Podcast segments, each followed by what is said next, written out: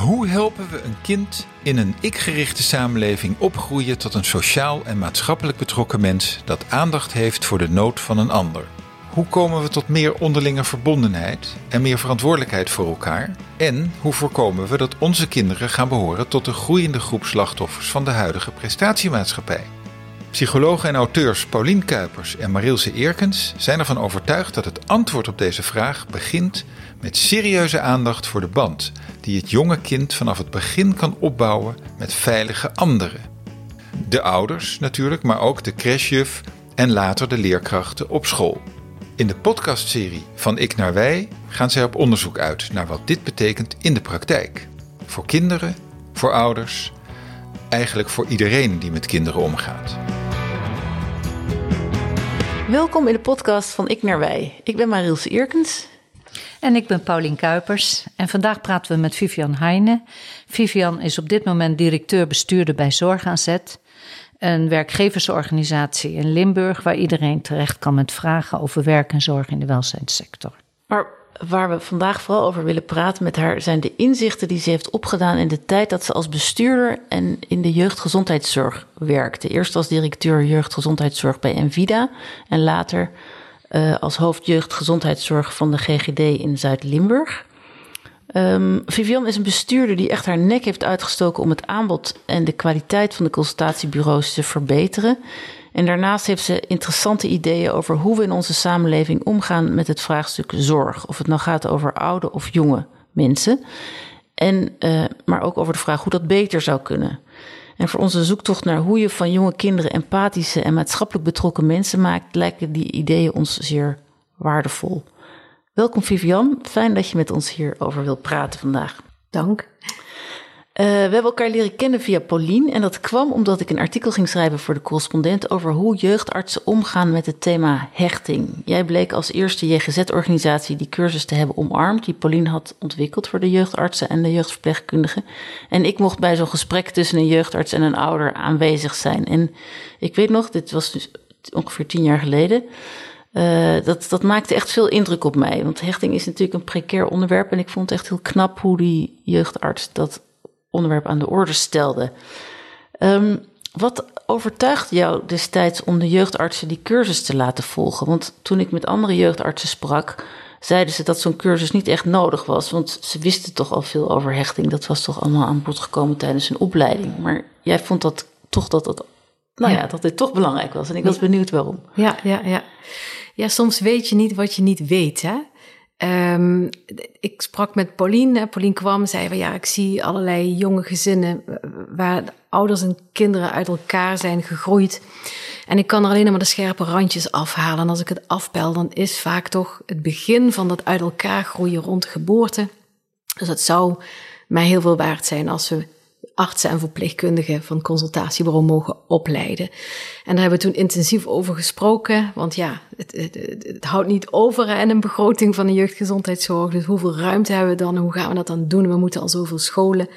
Maar gaandeweg werd wel duidelijk waar dat, uh, waar dat zat. Dat is gewoon die binding, dat is dat het, het, het van waarde zijn, weten dat je van waarde bent als je opgroeit in, in een liefdevol gezin en als daar goede verbindingen bestaan.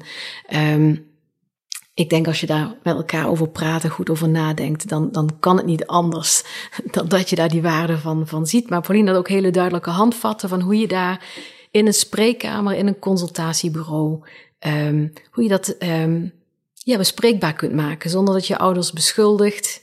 Hè? Want, want je, je, spreekt, je, spreekt nogal ergens over als het gaat over de verbinding. Hè? Dat, dat kan beschuldigend overkomen. Dat willen we natuurlijk absoluut niet doen. Het is ondersteunend bedoeld. En hoe doe je dat dan? Dus die handvatten waren heel duidelijk. En toen zijn we met een aantal mensen bij elkaar gaan zitten. Mensen uit de uitvoering, de artsenverpleegkundigen. Om te kijken van hoe kunnen we deze taal, die uh, ja, echt een, de taal van een hechtingspsycholoog is. Hoe kunnen we die omschrijven, ombuigen naar taal die past in de spreekkamer van een consultatiebureau. Um, en dat is gelukt volgens mij. Hebben we daar, uh, hebben daar mooie, uh, ja, een mooie nieuwe taal voor kunnen ontwikkelen. Het ingespreksmodel. Uh, hebben we ook met elkaar gekeken hoe kunnen we dit ook registreren. Want ja, we zijn verplicht natuurlijk met z'n allen een, een kinddossier bij te houden. En ook dat wil je netjes doen. Uh, ook op een manier waar iedereen zich in kan vinden.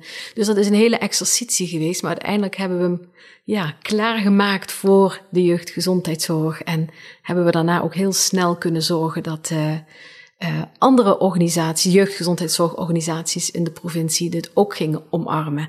Omdat het zo goed werkte, omdat verpleegkundigen aangaven en artsen aangaven van hé, hey, dit, dit raakt ons eigenlijk in het midden van ons werk. Dit is waarom we ooit voor dit vak gekozen hebben.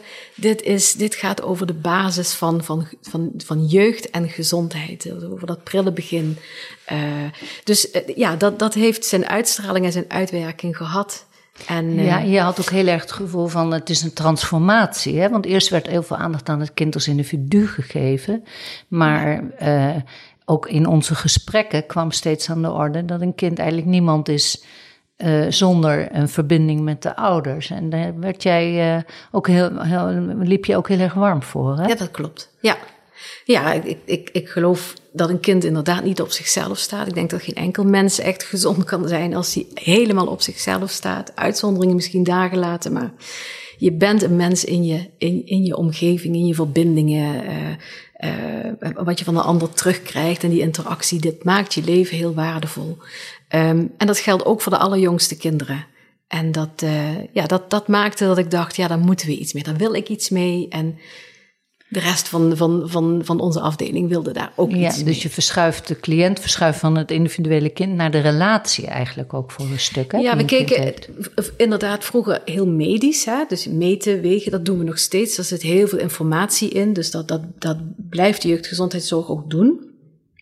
Later zijn we ook gaan kijken naar de omgeving van een kind, maar de interactie tussen kind en omgeving daar hadden we de handvatten niet bij. Daar werd wel naar gekeken, er werden ook dingen gezien, denk ik. Maar hoe maak je dat bespreekbaar? Dat was gewoon dat sluitstuk wat er niet was. En, en, en wat ik ja, heb herkend als: uh, dit is volgens mij wat we nodig hebben. En hoe kun je dat, dat verhelpen ook? Hè? Hoe kun je het verbeteren, die verbinding? Precies. Ja, ja want wat ik me afvroeg, uh, je, je, je, zegt we signaleerden wel dingen, maar we, we wisten niet zo goed hoe we dat op een goede manier konden bespraken. Had dat ook misschien te maken met de angst?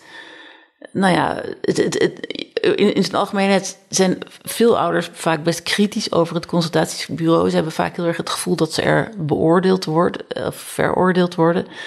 Um, ik, ik, denk dat de meeste jeugdartsen dat zich daarvan bewust zijn en natuurlijk heel bang zijn om, uh, om dat vooroordeel te bevestigen. En misschien wel om die reden een beetje terughoudend zijn.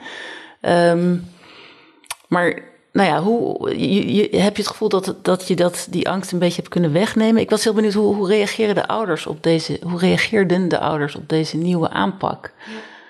Had je het gevoel dat het ook de relatie tussen jeugdarts en ouders beter werd? Um, ik ben even aan het nadenken of we dat zo hebben uitgevraagd. Dat, dat hebben we volgens mij niet gedaan. Dus het gaat gewoon om een indruk. En de indruk is dat dit echt wel helpt. Ja.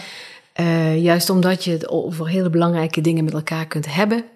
En um, ja, je de tijd op een op, op, op consult ook kunt gebruiken om, om te hebben over hoe is het nu met jou? Dus hoe is het om nu moeder te zijn? Ja. Wat doet dat met jou? En hoe is je verbinding met je kind? Uh, waar kun je daarover praten? Weet je, je bent zwanger, iedereen is blij voor je, eh, je bent bevallen, beschuit met muisjes. En, en toch zijn er ook heel veel moeders die niet op die roze wolk zitten. Ja. En wie durft dat nou bespreekbaar te maken? Past niet in het narratief van de gelukkige mevrouw die bevallen is, et cetera. Ja. Uh, en waar, waar wordt nou een keer aan je gevraagd, hoe gaat het nou eigenlijk echt met je? Ja, en had je het gevoel dat, dat door die cursus die jeugdarts en verpleegkundigen dat makkelijker ter sprake konden brengen. Ja, dat, dat heb ik wel heel duidelijk teruggekregen. Ja, ja, oh, dat is natuurlijk heel goed. Ja. ja, ja. Ja, want soms, je houdt altijd wel van je baby, maar soms wil het hart niet volgen door allerlei omstandigheden. Door een moeilijke zwangerschap of relaties die uit elkaar vallen. Een vader en moeder die niet op één lijn kunnen komen of familieomstandigheden. Jeugdervaringen van ouders. En daar werden ook jeugdartsen heel gevoelig voor gemaakt, dat ze daar een helping hand konden geven. Klopt wel. ja. ja. Ja, zeker. Ja. ja. Ja. En dat is toen, uh, jullie zijn ermee begonnen met een soort van pilot, maar dat is toen uitgerold. Hè? Want ik geloof dat de provincie Limburg toen ook heeft besloten om dit in heel Limburg uit te rollen en niet alleen in Maastricht. En Hoe, hoe is dat toen verder gegaan? Jullie zijn samen toen uh, de boer opgegaan, volgens mij, of niet? Zijn we samen de boer opgegaan? Ja, we hebben heel veel aandacht getrokken. Hè? Dat, uh, ja. We hebben de staatssecretaris gesproken, Martin van Rijn. Die, die is bij ons op bezoek geweest en heeft ook met jeugdarts gesproken. Ja, en een moeder met haar kind ja, met als ervaringsdeskundige. Dus dat was een heel mooi gesprek. En hij gaf aan van, uh, nou, kom ook maar op het ministerie jullie verhaal doen. Ik dacht, nou ja, dat gaan we wel zien of die uitnodiging komt. Maar die was er binnen twee dagen. Ja. Dus daar zijn we naartoe geweest. We hebben een aantal mensen uit de Tweede Kamer gesproken. Zijn verschillende keren naar Den Haag geweest. We hebben Vera Bergkamp op bezoek gehad toen ze nog bij D66 in de fractie zat. En, en hebben jullie nu het idee dat het onderwerp uh, nog steeds... Jullie hebben destijds veel aandacht gehad. Is, is die aandacht... Uh, is dat ook omgezet in ander beleid? Is het, is het beter geworden? Kan het nog beter? Wat... Ik denk dat het altijd beter kan. Hè? Ja. Het is een begin en het was een pilot en die is wel uh, iets wat opgeschaald. Hij, nou ja, iets wat. Hij is land ingegaan. Ik mhm. weet niet of heel Nederland inmiddels uh, dit omarmd heeft. Ik weet wel dat het standaard in de opleiding voor jeugdarts en jeugdverpleegkundigen is opgenomen. Ja, en het is uitgerold in Groningen, in de Achterhoek, in uh, de Randstad, provincie Utrecht. Ja, eigenlijk kunnen we spreken van een landelijke ontwikkeling. Ja. Ja. ja, dat is natuurlijk heel, dat is wel positief. En het is opgenomen in de opleiding van artsen en jeugdartsen en verpleegkundigen. En betekent dat die we instromen overal en nergens. Uh, en dat meenemen in hun pakketten. Dus dat is ook wel heel bijzonder. Toen ik jou eh, destijds interviewde voor mijn boek Als ze maar gelukkig worden, uh, had je het erover dat het zo jammer was dat er op de consultatiebureaus eigenlijk te weinig tijd was om echt aan preventie te doen. je zei dat die tien minuten die een arts of verpleegkundige vaak heeft al heel snel opgaan naar medische onderzoekjes, heupjes, vaccinatie, voeding. Um, dat is natuurlijk ontzettend belangrijk. Zeker. Dat kunnen we absoluut moeten Blijft belangrijk. Ja. Blijft belangrijk. Ja. Uh, maar het is natuurlijk heel erg toegespitst op de fysieke deel van de ontwikkeling, terwijl het emotioneel, emotionele deel natuurlijk ook heel erg belangrijk is. Hoe, hoe zou dat beter kunnen? Hoe zouden we meer ruimte kunnen maken voor dat ja. onderdeel van de ontwikkeling van een heel jong mens? Ik, ik denk dat dat niet in, in um, in de organisatie van het consultatiebureau alleen zit. Hè. Ik denk dat dat zit in kijken naar de zorg in de volle breedte. Wat is het ons waard om ziekte te voorkomen? Dus het gaat gewoon om preventie in brede zin. Uh, consultatiebureaus en, en um, jeugdgezondheidszorg breder, uh, ook de ketenpas rond die tijd, die zijn natuurlijk heel goed bezig met het preventieve stuk. Maar als je breder kijkt naar zorg, gaat er ook heel veel van de budgetten naar ziekte die er al is. He, vanuit diagnose-behandelcombinaties kijk je naar een diagnose. Wat is er mis? Welke behandeling gaan we daaraan koppelen? En dan gaan er budgetten stromen. Dus die financiële prikkel die zit aan de achterkant van de ontwikkeling ja, ja. van de ziekte. Dus die prikkel, zolang die er is, wordt het best lastig om met z'n allen veel meer naar die voorkant te gaan. Want welk voordeel hebben we daarvan? Ja, we weten hem wel, maar hoe gaan we dan, hoe gaan we dan eh, ons bedrijf daarop inrichten? Ja, en hoe druk je dat in geld uit? Natuurlijk. En hoe druk je dat in geld uit? Ja, ja, ja, ja.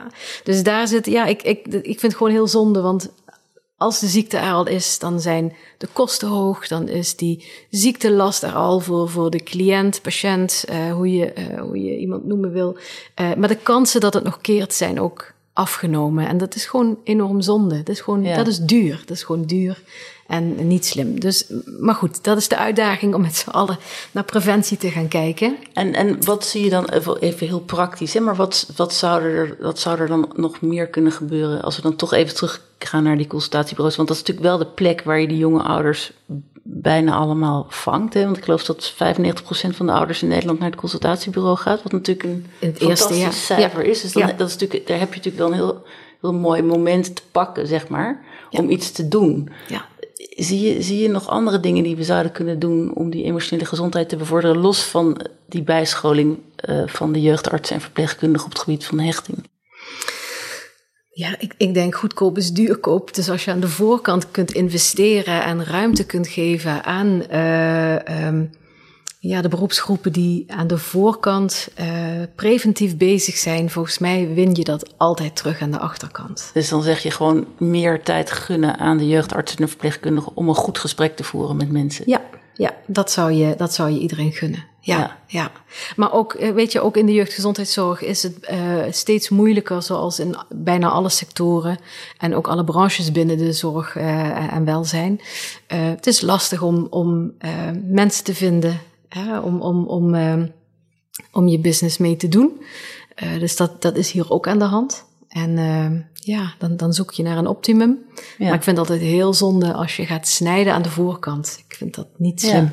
Ja. Wat mij altijd opvalt is dat er zo weinig uh, cursussen of voorlichtingsavonden worden gegeven op consultatiebureaus. Of, of ben ik niet goed op. Ik kan me voorstellen dat je, dat, je, dat, dat je daar op een hele goedkope manier heel veel ouders zou kunnen bereiken. Ja, die initiatieven die zijn er zeker wel. Okay. Uh, Centering uh, Pregnancy en Centering Parenting uh, heten die twee, twee bekende initiatieven. Ja. Waarbij je net als bij um, bijvoorbeeld een, een, een zwangerschapscursus die je met een groepje zwangere moeders doet, dan zie je vaak dat die later elkaar nog opzoeken, samen onderweg zijn ja. terwijl hun kinderen opgroeien.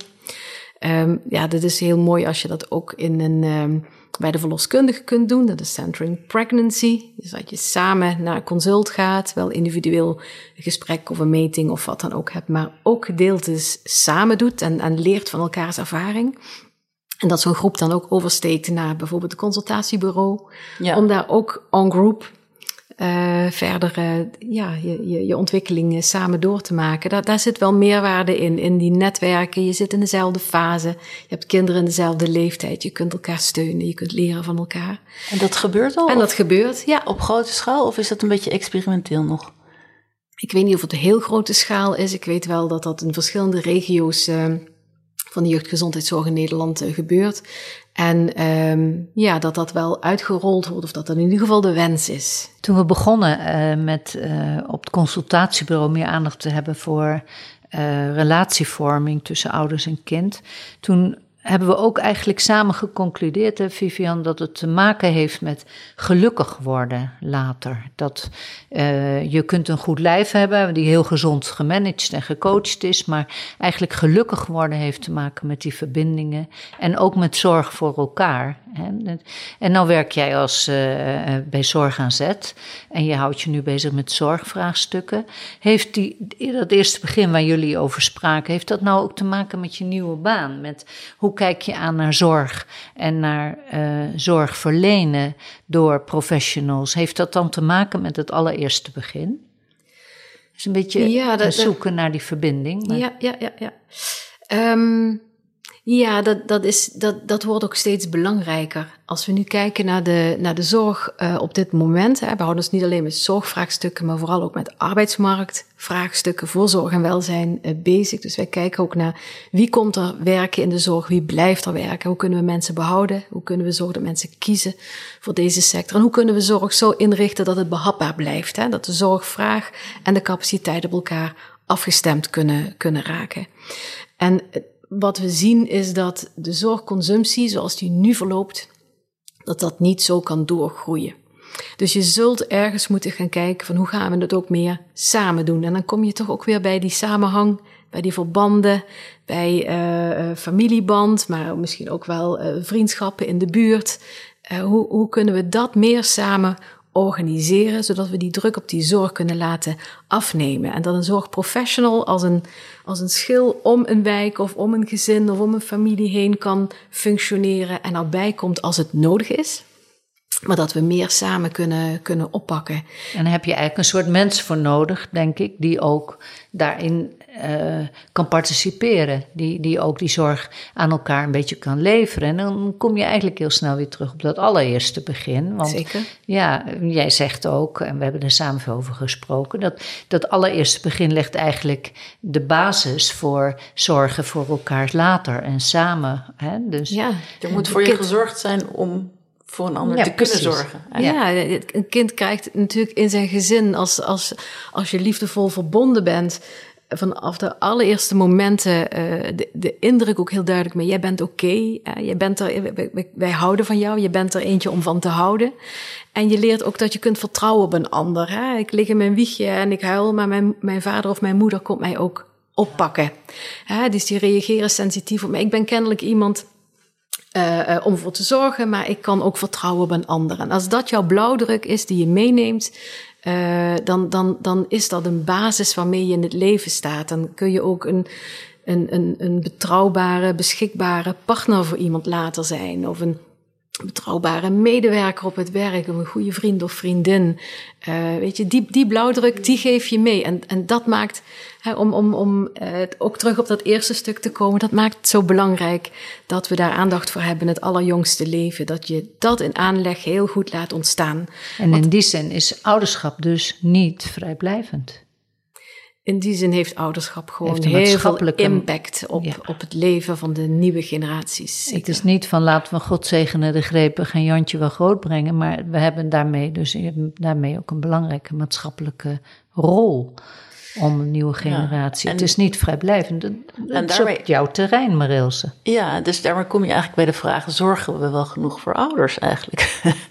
ik denk niet altijd genoeg. Ik, ik ben zelf groot voorstander voor langer verlof bijvoorbeeld, om inderdaad die eerste levensjaren die verbinding met dat kind te kunnen maken. Maar ik zit ook te denken, wat, er zijn natuurlijk allerlei andere terreinen. Ik, nee, ik vind het een interessante vraag. Misschien heb je daar ook gedacht over van hoe zouden we ouders nog beter kunnen ondersteunen. We hadden het net al eventjes over die consultatiebureaus, die groeps, uh, die groepsconsulten en die voorlichtingsavonden. Um, ja, en het niet vrijblijvende ervan, waar jij ook altijd uh, op hamert. Ook in je boek van kijk verder, want het heeft een maatschappelijke relevantie. Ja, maar dat moet je, dat moet, dat moet, er moet iemand zijn die je dat duidelijk maakt, dat dat zo belangrijk is. Misschien is daar ook wel een rol voor de consultatiebureaus nog ook weer. Of, uh... Ja, misschien is dat wel, wel, wel smal sowieso voor, voor jeugdgezondheidszorg. En daarbinnen consultatiebureaus een rol. Maar ik, ik denk dat we daar breder, breder met, breder met z'n allen naar moeten kijken. En zo zie je daar ook iets voor zorg aan zet, een, een, een, een rol weggelegd om de nieuwe generatie mensen veel meer te helpen een weg te vinden in een samenrol in plaats van. Uh... Ja, dat samen, samen vooral wel. Je, je ziet de organisaties, en ik, maak, ik ben nog niet zo lang in deze nieuwe rol en ik maak nu ronde langs bestuurders om te vragen van hoe, hoe, ja, hoe los jij de dingen op waar je mee bezig bent? Wat vind je belangrijk? Hoe kijk je naar zorg? Hoe kijk je naar de toekomst van zorg? En je ziet dat heel veel bestuurders heel actief zijn, heel veel dingen ondernemen.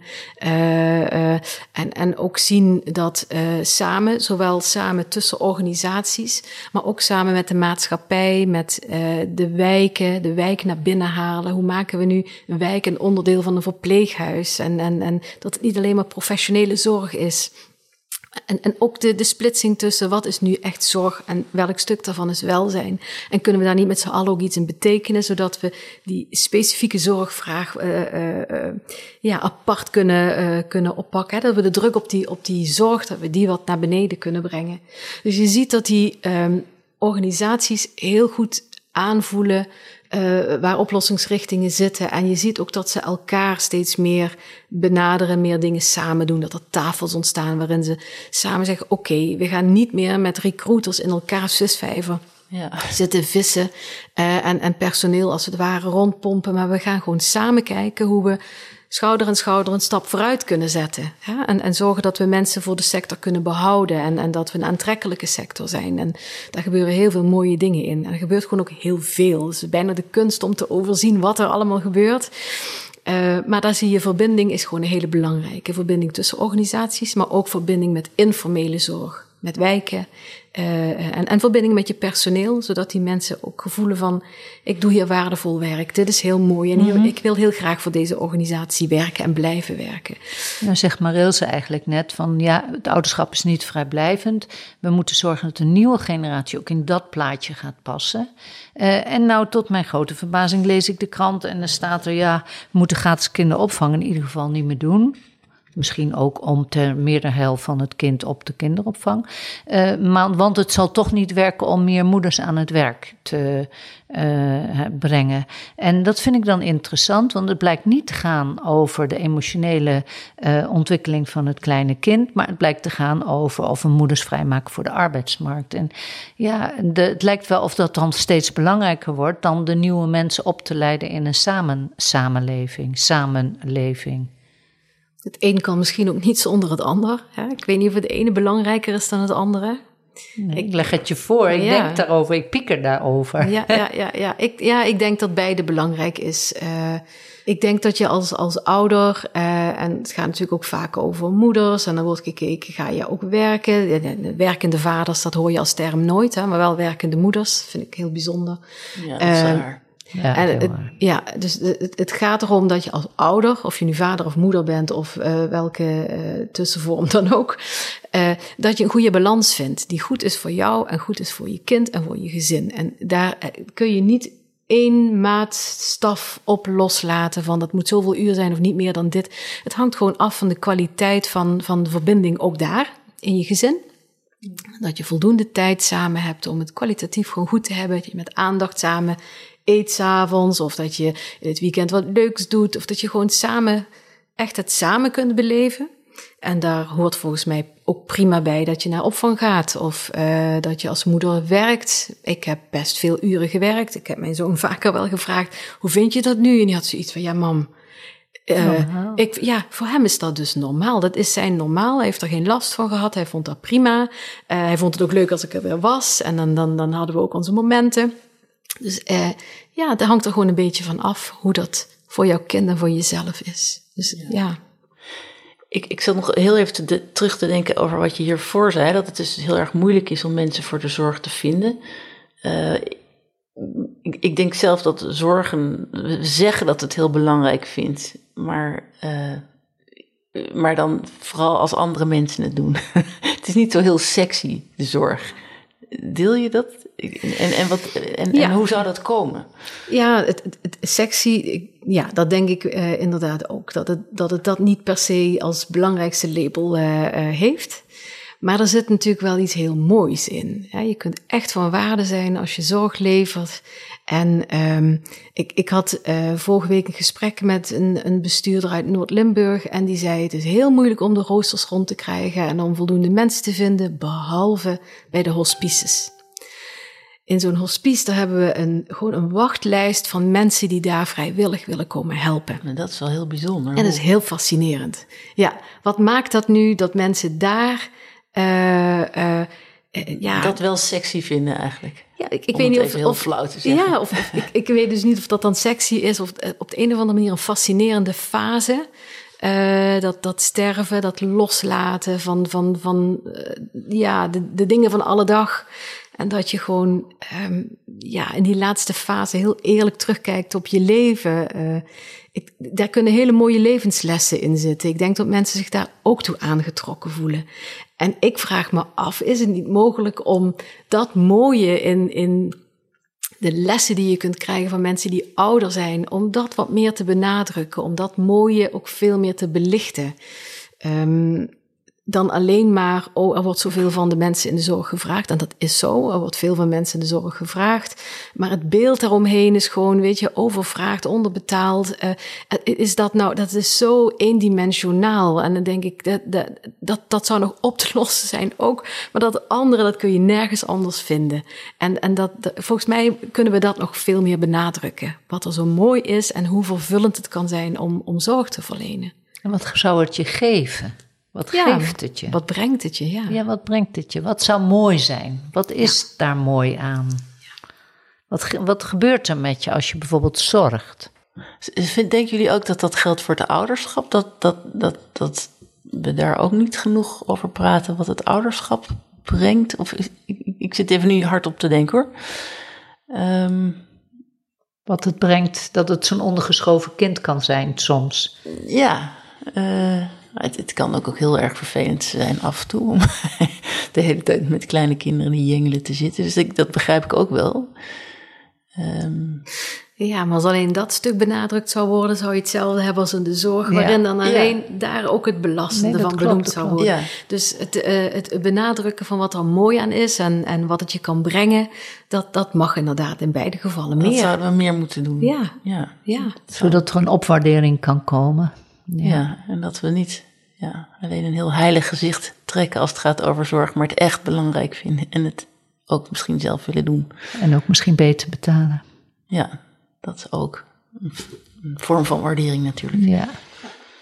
Ja, maar er gaat dus al heel veel geld naar de zorg, begrijp ik. Hè? Want dat vertelde je dat er wel dat er echt Dat er alleen maar steeds meer geld naar de zorg gaat en dat we toch allerlei tekorten hebben. Dat is ook wel interessant. Ja, ja, ja dat, beeld, dat beeld dat bestaat van de zorg wordt uitgekleed en daar wordt maar alleen maar op bezuinigd. En er is volgens mij nog nooit zoveel geld uitgegeven in de rijksbegroting aan zorg dan, dan nu.